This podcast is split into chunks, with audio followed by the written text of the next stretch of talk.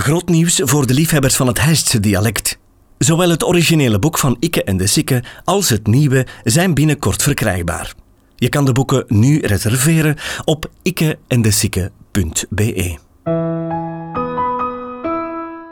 Dit vertelselke werd ingesproken door Eddy Keulemans. Ikke en de Sikke. Ikke en de Sikke gingen koren pikken. Het koren was nog niet raap. Ikke en de Sikke kropen in een mollepaap.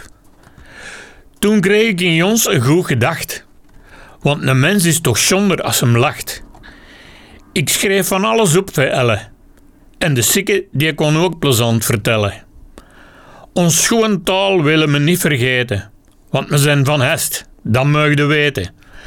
Wat dat je hier leest, is echt gebeurd.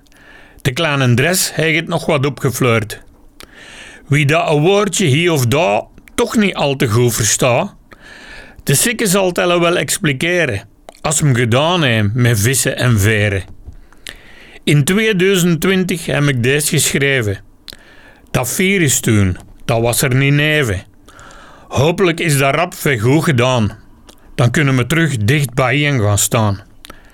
Legt het boekje neven even televisie. En als je denkt, er is niks op precies. Lees dan maar een vertelselken of dra. En paas dan nog maar eens. Oh ma.